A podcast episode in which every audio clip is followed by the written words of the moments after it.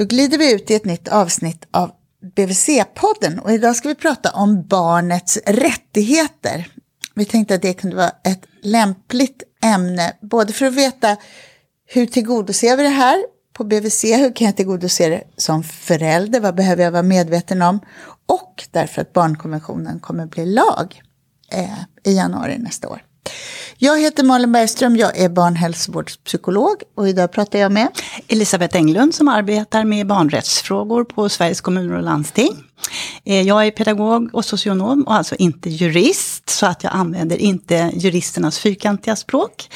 Eh, det är ett fantastiskt arbete, det är jätteroligt och det är så fantastiskt att få prata i en BVC-podd där jag får berätta att även de allra yngsta barnen har egna mänskliga rättigheter. Du, vad är det där Vad betyder det att jag som bebis har mänskliga rättigheter? För jag har inte bara mänskliga rättigheter, jag får till särskilda rättigheter just för att jag är liten. Ja, och det innebär ju att alla vuxna runt omkring dig ska ge dig dina rättigheter. Och vad, vilka är de? Ja, det är ju staten som har det yttersta ansvaret när det handlar om mänskliga rättigheter.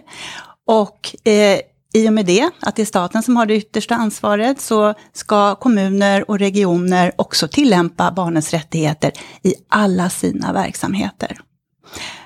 Och sen är det föräldrarna. Och så ibland måste ju staten gå via föräldrarna då för att barnet ska få sina rättigheter tillgodosedda. Och vilka är de här rättigheterna? Oj! Det är väldigt många rättigheter. Ja. Man brukar ju säga att konventionen om barnets rättigheter är en bas. Men vissa av artiklarna i konventionen eh, går längre än svensk lagstiftning. Till exempel artikel 2 som handlar om barnets rätt att inte diskrimineras. Eh, där väger man också in aspekter som har med föräldrarna och vårdnadshavarna att göra. När man säger att barnet inte får diskrimineras på grund av föräldrars eller vårdnadshavares och så räknar man upp en, olika diskrimineringsgrunder där. Så den går lite längre där. Men jag skulle vilja säga så här att i konventionen finns det fyra grundläggande principer och det brukar kallas för konventionens glasögon. Så alla rättigheter ska läsas genom artikel 2, rätten till icke-diskriminering, artikel 3, principen om barnets bästa som ska bedömas och beaktas i alla beslut som rör barn, artikel 6, att barnet har rätt till liv, överlevnad och utveckling, och artikel 12 som säger att barnet har rätt att säga sin mening och få sina åsikter beaktade i alla frågor som rör dem och i förhållande till barnets ålder och mognad. Då känns det ju spontant ganska bra att börja med den sista eftersom den är så speciell ja. när man är liten. Ja. Därför att på BVC är man 0 till 5 år. Mm. Hur gör man det då? Ja, men hur gör man det? Det hänger ju på oss vuxna om vi kan tolka barnens olika uttryck. De riktigt små barnen har ju inte tillräckligt med ord för att kunna beskriva hur de tänker eh, på olika sätt. Så att vi som vuxna måste iaktta barnen för att se vilka olika uttryck de ger. Jag kan ta ett exempel. Min systerdotter fick barn för ungefär 18 månader sedan. Och när jag träffade dem första gången efter en vecka så frågade eh, systerdottern då om jag ville hålla i den här lilla flickan. Och ja, det ville jag ju naturligtvis. Och så när hon ligger i min famn så tittar pappan ner på barnet och så säger han, jaha, nu är det steg två i hunger här. Så snart kommer Selma att ge uttryck för att hon vill ha mat. Och mycket riktigt, han beskrev det första steget, det andra steget visade hon mig eh, när hon låg där i min famn och det tredje steget kom efter en liten stund. Vi vuxna måste vara närvarande, vi måste vara mentalt närvarande. Och det märker barn direkt om vi är eller inte. Och hur ska vi, och i en konkret BVC-situation, hur ska vi beakta barnets rättigheter om vi har någon som är 18 månader eller en liten bebis eller så? Ja, jag tänker att som vuxen så ska man väl akta sig för att kasta sig på ett barn. Att man väntar in barnet och ser vad det vill göra, så att det har möjlighet att påverka den här situationen. Eh, barnet kanske inte vill säga hej, då ska de inte behöva göra det. Barnet kanske vill stå eller sitta på golvet och inte sitta på en stol. Eller kanske vara nära, mam sitta i mammans famn till exempel. Eh, det är ju ett sätt att vara hörsam om man är vuxen och arbetar på en BVC. Eh, jag tänker också att faktiskt prata med barnet. Även det lilla barnet. Och höra. Och sen kan man ju be föräldern att svara utifrån vad den tycker. Eh, och så. Det finns jättemånga olika sätt. Det där känner jag att nu blev jag alldeles lugn och trygg. Det där kände jag att jag vet ingen verksamhet faktiskt som har så utpräglat barnperspektiv som mm. BVC på det sättet. Förskolan ja. säkert också när man pratar om de små barnen. Ja. Men det där är verkligen personalen duktig på. Mm. Att man hälsar på och tar in ja. även en nyfödd. Ja och ber om lov på något sätt i ja. kontakten och ja, har en väldig respekt och så. Ja. Nej, jag tänker också när du säger barnperspektiv nu, att det underlättar tror jag för de som arbetar i alla våra verksamheter ute om vi börjar att säga barnrättsperspektiv nu. Och varför underlättar det? Därför att då för vi in rättigheterna. Du kan ju arbeta med ett barnperspektiv utan att tillämpa rättigheterna överhuvudtaget. Men om du säger barnrättsperspektiv, då menar FN-kommittén att i det ingår att barnets rättigheter ska tillämpas. Minst de fyra grundläggande principerna då, artikel 2, 3, 6 och 12. Kan du ge några exempel, för nu har vi pratat om artikel 12, mm. men kan du ge några exempel från 2, 3 och 6? Ja, alltså jag tänker eh, att barn får, oavsett vilket barn det är, att barnet får, får samma bemötande när de kommer till eh, den offentliga vården. Eh, att man inte har några, man kan ju ha personliga aversioner emot någon speciell grupp i samhället till exempel. För det här handlar ju också om den individens medvetande om eh, Eh, vad man tycker själv. De egna värderingarna spelar roll för hur man tillämpar rättigheterna. Att man pratar värderingsfrågor eh, på arbetet. Eh, att varje grupp barn får sina rättigheter tillgodosedda. Eh, jag tänker på den här studien som Region Stockholm gjorde för något år sedan, då hette det ju då landstinget i, i Stockholms län, eh, eller Stockholms läns landsting, eh, som visade på att i vissa områden så ökar karies bland barn. Eh, att barn vistas ofta i rökiga miljöer eh, än tidigare.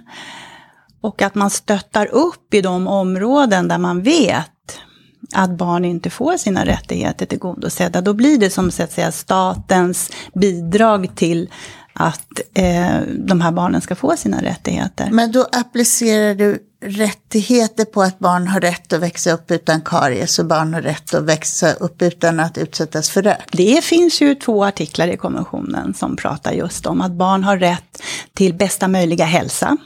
Det är eh, artikel 24 där säger man också i artikel 24.3 att man ska bekämpa sedvänjor som är skadliga för barn. Och det skulle kunna vara att jag ger den mycket godis så att den fick hål i tänderna. Eller att jag inte kommer Nej, igång med tandborstning. Nej, skadliga sedvänjor det handlar mer om den här alltså, könsstympning till exempel. Det finns andra exempel på hedersrelaterad våld och annat också. Men det är det som eh, FN-kommittén har tolkat in i det. För det finns en konflikt i det här, tänker jag, på individnivå och gruppnivå. Vi säger att barn ska ha rätt till bästa möjliga hälsa och mm. utveckling.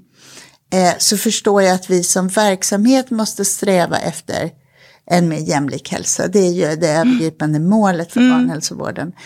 Eh, men det är ju svårt om jag tänker mer på mig själv som en enskild barnpsykolog eller som en enskild förälder. Mm. Att jag inte orkar laga mat till mina barn utan att de får slarva runt med något onyttigt i kroppen. Eller, alltså förstår du? Det där, det där talar ju till verksamheter snarare än till, eh, till enskilda. Ja, fast jag tänker också att i verksamheterna har ju ett stort ansvar för att berätta för föräldrar eh, vilket ansvar de har och ska ta när det gäller barnets rättigheter. Och hur gör man det då, tänker du? Ja, där finns det ju en stor kompetens inom inom våra offentliga verksamheter. Och sen så finns det de som behöver att bli bättre på det. Och jag tänker så här, ett gammalt slitet ord, man måste vara snäll. Man måste vara ödmjuk när man ska berätta för någon att det du gör just nu kanske inte precis är det bästa för ditt barn. Eh, ditt barn kanske behöver hjälp på något sätt. Kanske behöver lite bättre mat. Att ta reda på vilka smakpreferenser eh, barn har till exempel, det är jättespännande. Duka fram lite olika maträtter och låta barnet pröva sig fram och se vad han eller hon tycker är jättegott. Där kan man få lite vägledning, eh, tänker jag, just när det gäller mat. Ingår det också, för, vi jobbar ju mycket med föräldrastöd, ingår det också, du säger man ska vara ödmjuk och snäll, att, att föräldrar får stöd för att bli bästa möjliga föräldrar, ingår det i barnets rättigheter? Ja, det ingår. Man ska, ha, man ska ha stöd. Staterna har skyldighet att se till att det finns stöd i föräldrarollen och det föräldrastödet ska vara utformat så att föräldrar kan fostra sina barn utan att eh, använda våld artikel 19. Där var vi först i Sverige med den lagstiftningen. med 79, ja. ja. precis. Men du, är vi först när det gäller att ha barnkonventionen som lag? Nej, långt ifrån. Berätta. Nej, men vi har ju olika rättssystem i världen. Sverige har ett dualistiskt rättssystem. Eh, det betyder att vi, eh, nu kommer det svåra ord här, jag ska se om jag kan försöka förklara det vartefter. Så vi har ju våran lag, våran nationella lag, svensk lag, den gäller ju här. Eh, vi tillämpar konventioner eh, så länge de inte krockar med våran lag. Om de krockar med våran lag, då ska svensk lag gå först. Nu lyfter vi in konventionen, vi inkorporerar den i svensk lag, lyfter in den så att den blir en svensk lag. Också. Tidigare har vi använt en metod som heter transformering. Det vill säga, vi har lyft in olika artiklar i lämpliga lagar, till exempel föräldrabalken, hälso och sjukvårdslagen, tandvårdslagen, eh, socialtjänstlagen, skollagen och så vidare. Och det här kommer att göra en skillnad? Ja, alltså det, regeringen har ju sagt att de vill att konventionen ska täcka upp i lagar där, kom, där det inte har skett någon transformering ännu. De ska täppa igen luckor. Eh, till exempel i plan och bygglagen när man pratar om samråd där. Det ingår ju inte i BVCs yrkesområden, om man, eller arbetsområden, men i alla fall så, så där finns det samråd och det står inte speciellt uttryckt att man ska ha samråd med barn. Det är många som under många år har velat få in det och det har inte skett ännu. Nu skulle man kunna hänvisa till artikel 12 på ett mer aktivt sätt. Och vad skulle barn få för inflytande då? Ja, det beror ju på vad det handlar om. Om det handlar om till exempel att göra, eh, bygga om en lekpark eller bygga en ny lekpark, då kan ju barn ha jättemycket synpunkter på det. Men artikel 12 innebär ju inte självbestämmande, utan det handlar om att man ska vara med och vara delaktig. Och det där vet jag att det finns olika modeller för grad av delaktighet. Mm. Alltså det ena är att man lyssnar på barn men inte bryr sig om vad de säger. Men att det ändå finns en poäng för barn att få känna sig hörda. Att de mm. åtminstone får, ja, de får åtminstone vara med och prata. Och sen finns det olika grader av, av inflytande mm. där man kan säga att den sista eller det, det högsta steget handlar om att jag får bestämma själv. Ja. Och hur ska, man se den, hur ska man se på inflytande och delaktighet i relation till barnets rättigheter? Då? I, när det gäller konventionen kan det aldrig handla om självbestämmande. Därför att det är omyndiga människor och det är vårdnadshavarna som bestämmer. Men sen har vi ju föräldrabalken då som säger att, att i takt med så ska ju barnet kunna bestämma mer och mer. Men det är fortfarande vårdnadshavarna som, eh, som fattar de slutgiltiga besluten så länge barnet är omyndigt. Om man säger så. Men det är självklart att det är ju det som är hela vitsen med konventionen, att barns åsikter i förhållande till ålder och mognad ska vägas in i beslut. Och det är någon sorts hyckleri tycker jag när man pratar med barn och sen använder man inte deras synpunkter. Och dessutom återkopplar man inte till barnen vad som har hänt heller.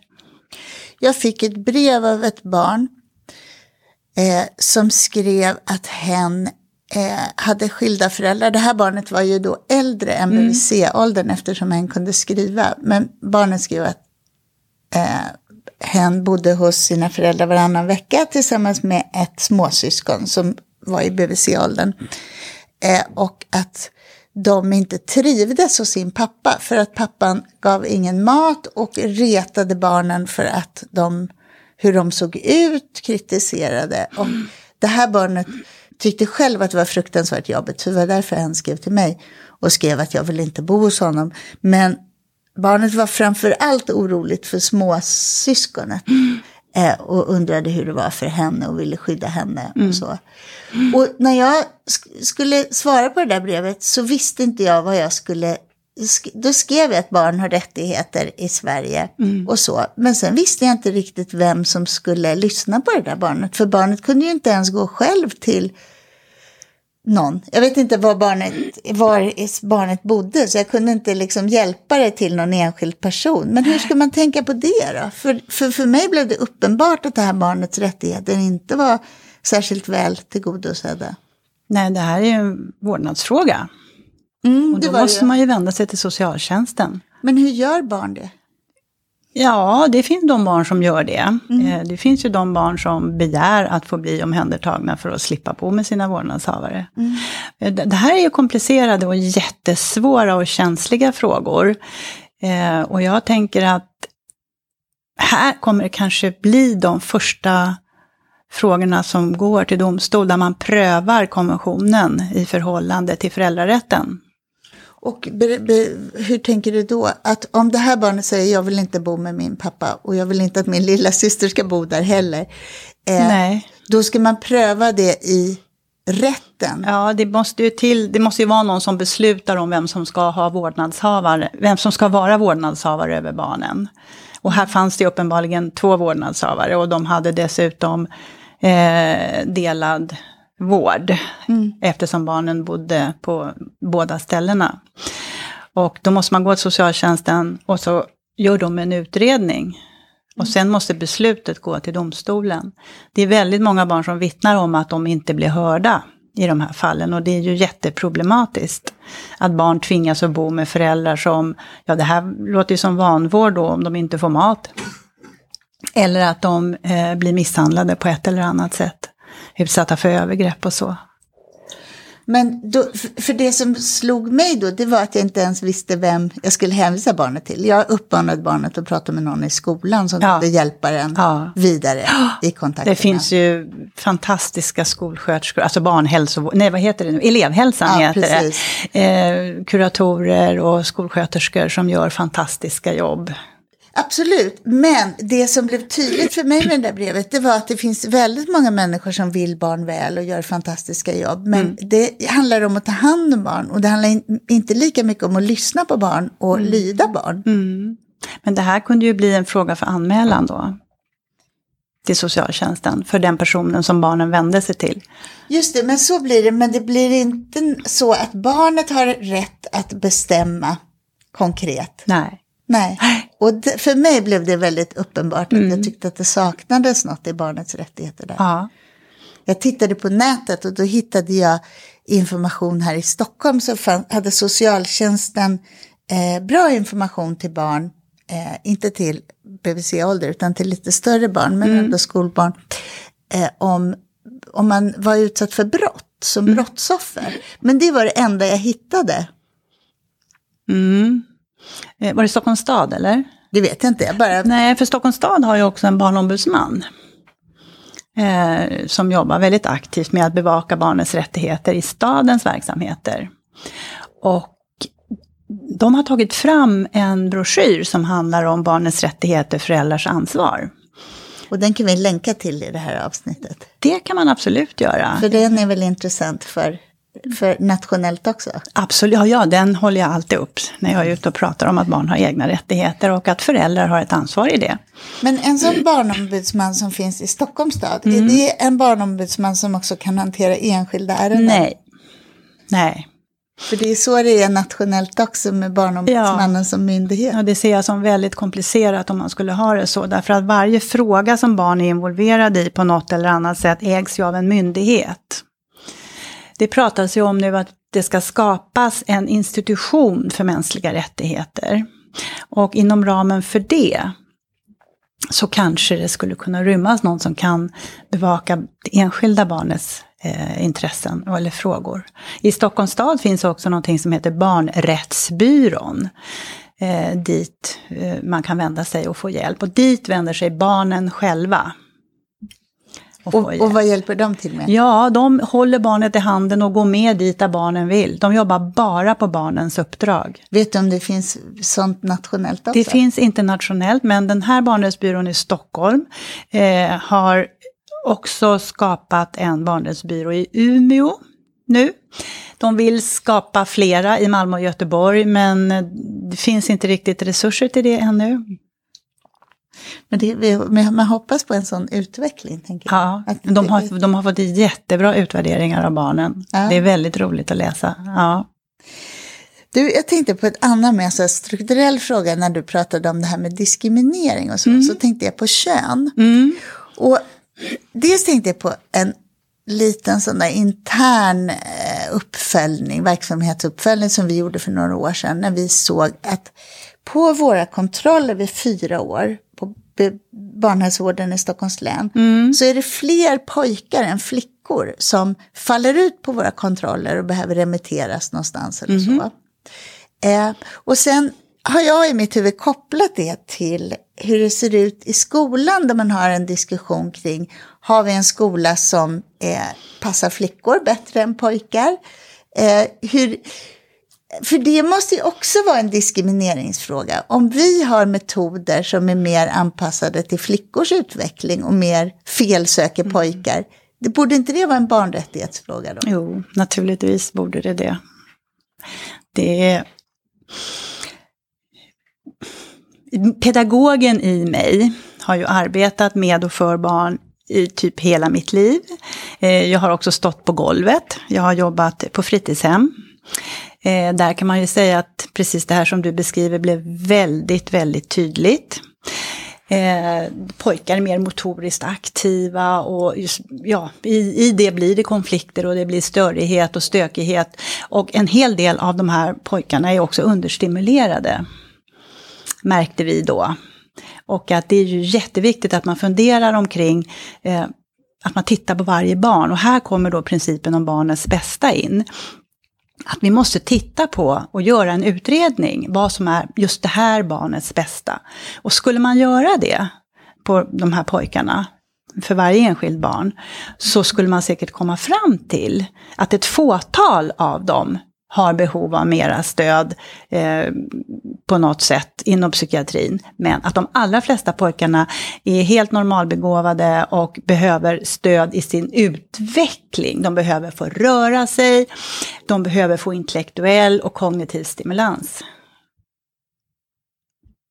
Och jag har jobbat som resurspedagog i många år också. Det betyder att jag var på förskolor eh, och skolor eh, där barn man kallade det då för barn med behov av särskilt stöd. Och till och med på småbarnsavdelningarna så kunde man märka det här. Så det betyder att barnets rättigheter handlar bland annat om att se till att varje barn ska få eh, den stimulans den behöver och att verksamheten då inte får vara vriden gentemot en viss grupp av barn eller så? Jag tänker att det handlar ju om barnens rätt till utveckling, artikel 6. Uh, eh, rätten till liv, uh, det är en fundamental rättighet, artikel 6.1. Artikel 6.2, uh, eh, överlevnad och utveckling. Det hänger intimt ihop med rätten till utbildning och rätten till bästa möjliga hälsa. Så det är jätteviktigt att verksamheterna ska anpassas till de barn som är där. För det blir väldigt mycket krångligare när man börjar problematisera det. Ja. En, även om man tänker att principerna har vi mm. i oss mm. för de flesta. Men ja. om vi verkligen ska gå till botten och tolka det vi gör och mm. ser utifrån mm. de här olika paragraferna, då blir det en annan sak. Ja, både, ja, det blir det ju. Men det blir ju också enklare när vi har lärt oss vilka rättigheter barn har. Jag tänker så här att i Sverige så har vi tidigt kallat den här konventionen för barnkonventionen. Eh, det betyder ju då att man tänker barn. Men egentligen så är det ju inte barn, utan egentligen är det ju mänskliga rättigheter. Och det är ju något annat än barn. Det är någonting som ska ges till barn. Många som arbetar med barn tycker att de redan gör det här. Har vi jobbat med barn i 30 år så förstår du väl att vi gör det här. Har jag fem barn så fattar du väl att jag gör det här. Ja, nej, jag gör inte det. Inte förrän de här personerna talar om för mig vad exakt det är de gör när de tillämpar rättigheterna. Du kan vara hur snäll som helst och hur bra med barn som helst utan att tillämpa rättigheterna överhuvudtaget. Och säg då, vad skulle det konkret innebära att jag tillämpar det? Som ja. barnpsykolog eller BHV-sjuksköterska? Ja, men bara det att möta barn med respekt. Mm. Att lyssna på barn. Att höra vad de säger. Att vara mentalt närvarande i ett möte med barnen. Det är jätteviktigt. Så många barn som uttrycker när de har varit på besök till exempel inom socialtjänsten att de personer som de mötte där inte sa hej, inte tog i hand, inte tittade i ögonen. Sen finns det ju förstås de som gör fantastiska möten med barn. Men det är det barn har synpunkter på. Vad tror du ligger i, vad är hindren kring att prata med barn eller ens hälsa på dem eller så? Hindret mot att prata med barn det är att det tar tid. Eh, det blir besvärligt. Man tror, många tror att de måste ha en enda metod eh, som kommer vara alena saliggörande. Istället för att man känner in just det här barnet. Hur, vad är det jag vill veta? Hur lär jag känna det här barnet?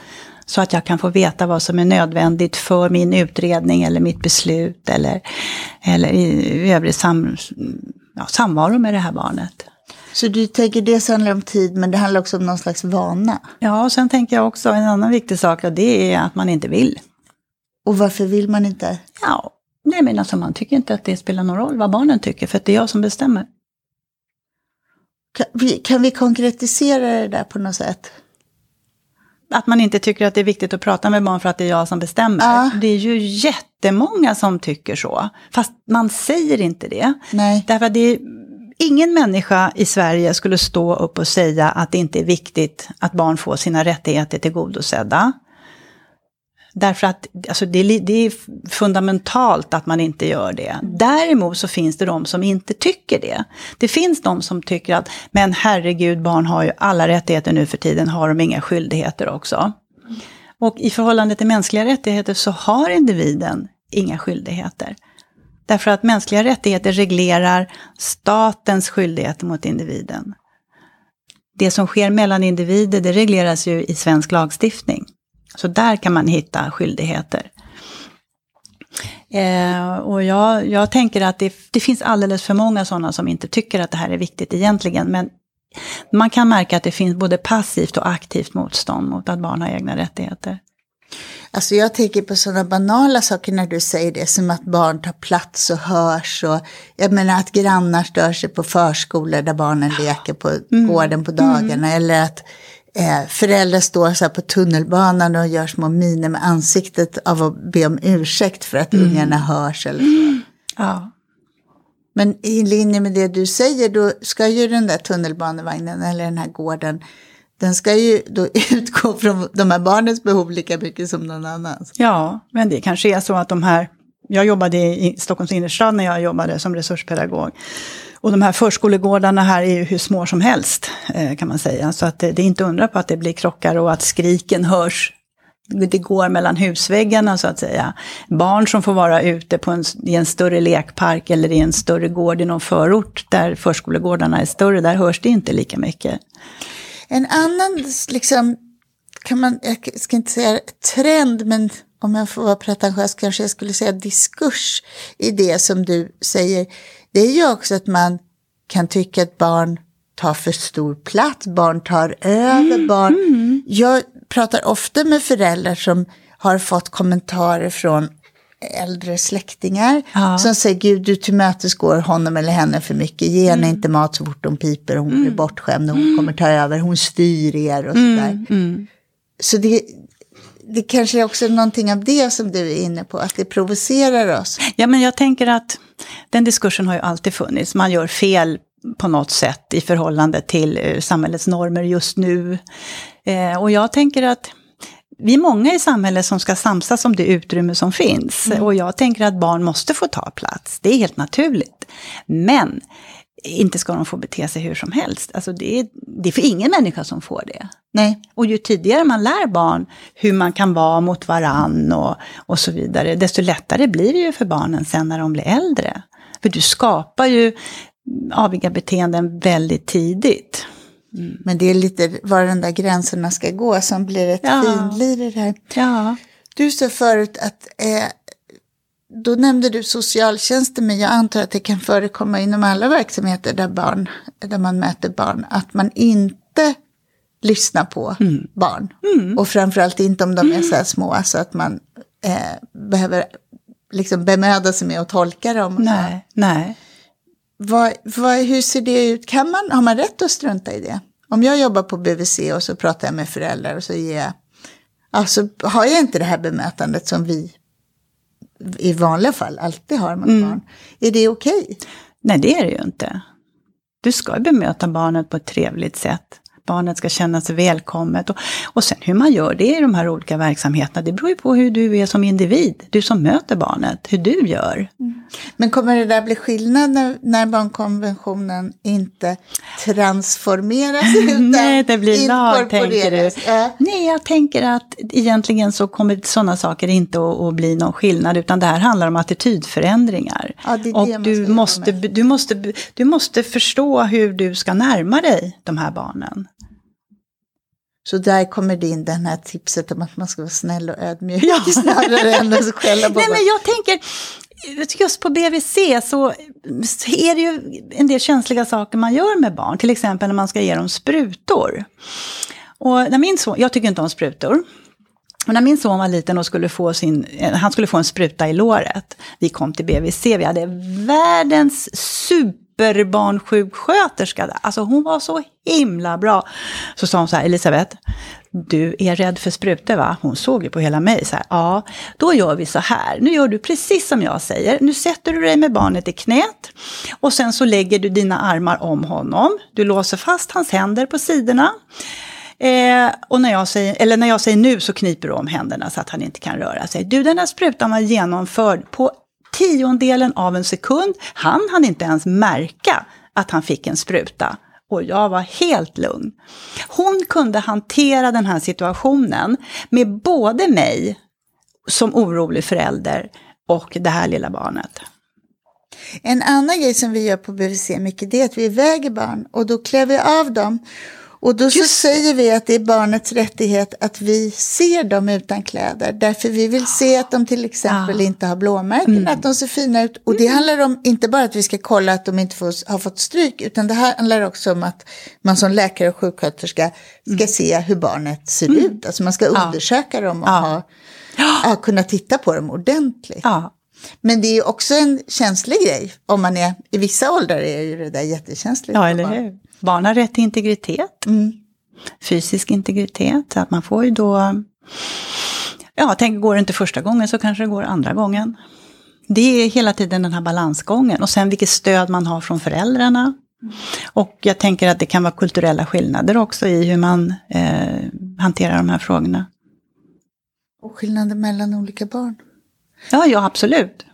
Är det någonting specifikt som du tänker att jag som förälder skulle behöva veta när det gäller barnets rättigheter? Ja, att de har rättigheter. Mm. Och att jag som förälder har ett ansvar i att bidra till att barnet får sina rättigheter tillgodosedda. Det är FN-kommittén väldigt tydliga med. Att utbildningen börjar redan i hemmet med att barnet får vara delaktigt, att få lära sig och pröva på hur saker och ting går till.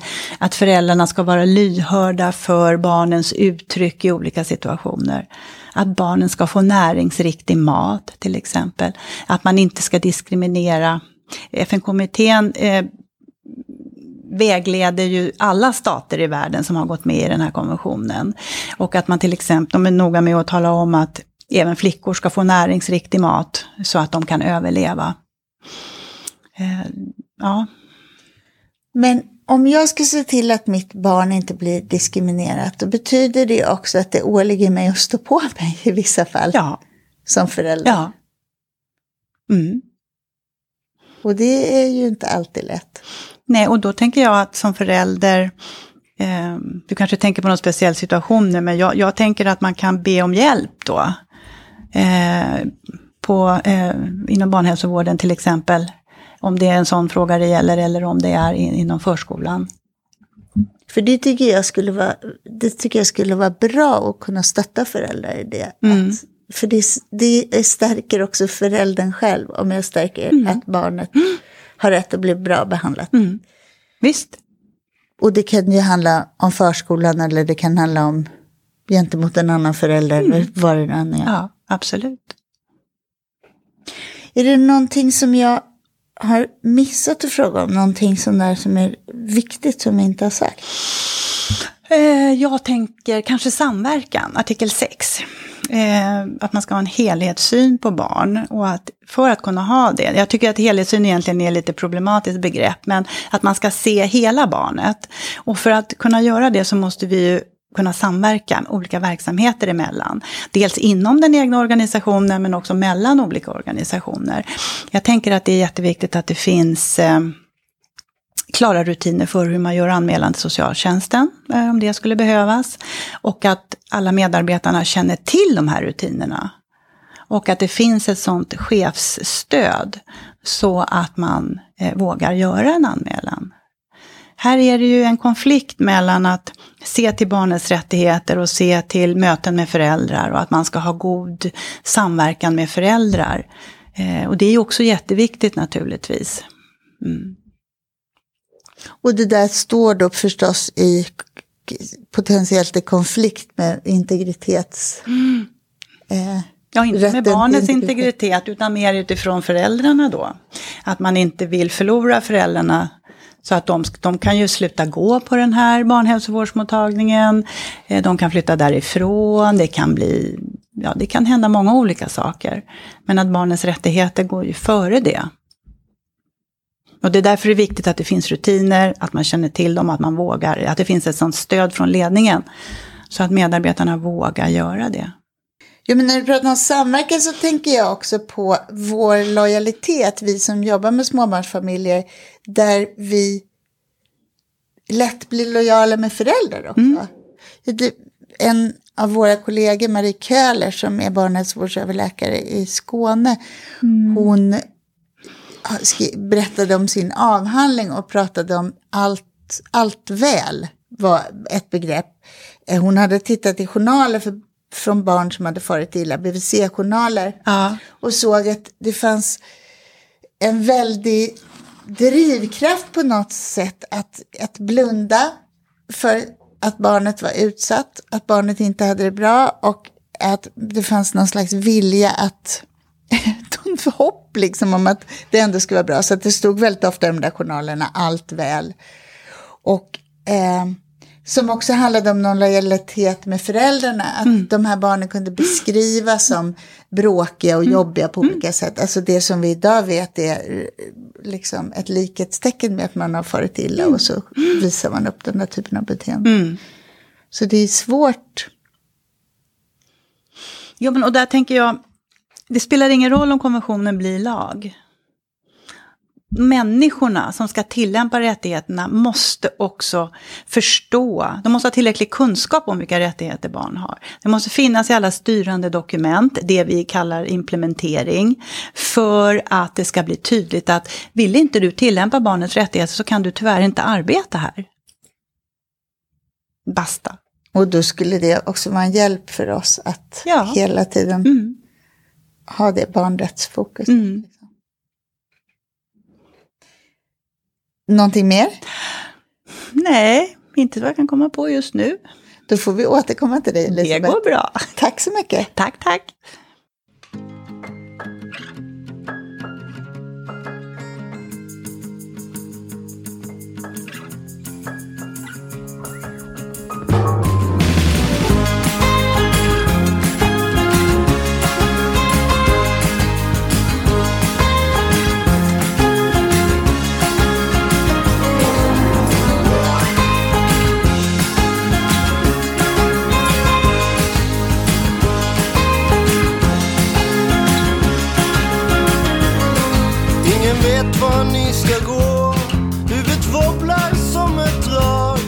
Men aldrig över ytan så. Ett på djupet neverending slag när era radiostyrda röster ömsint kittlar min fantasi.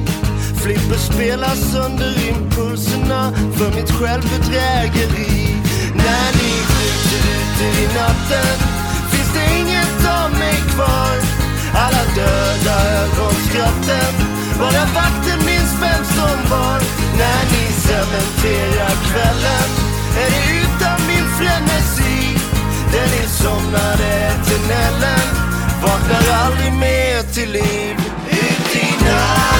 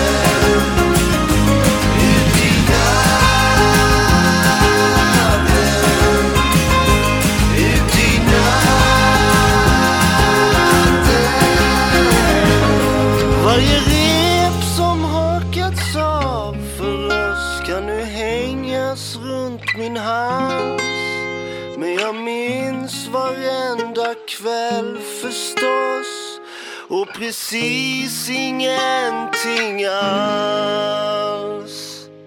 När ni skjuter ute i natten finns det inget av mig kvar. Alla döda ögonskratten, bara vakten minns vem som var. När ni cementerar kvällen är det utan min frenesi. Där ni somnar eternellen, vaknar aldrig mer.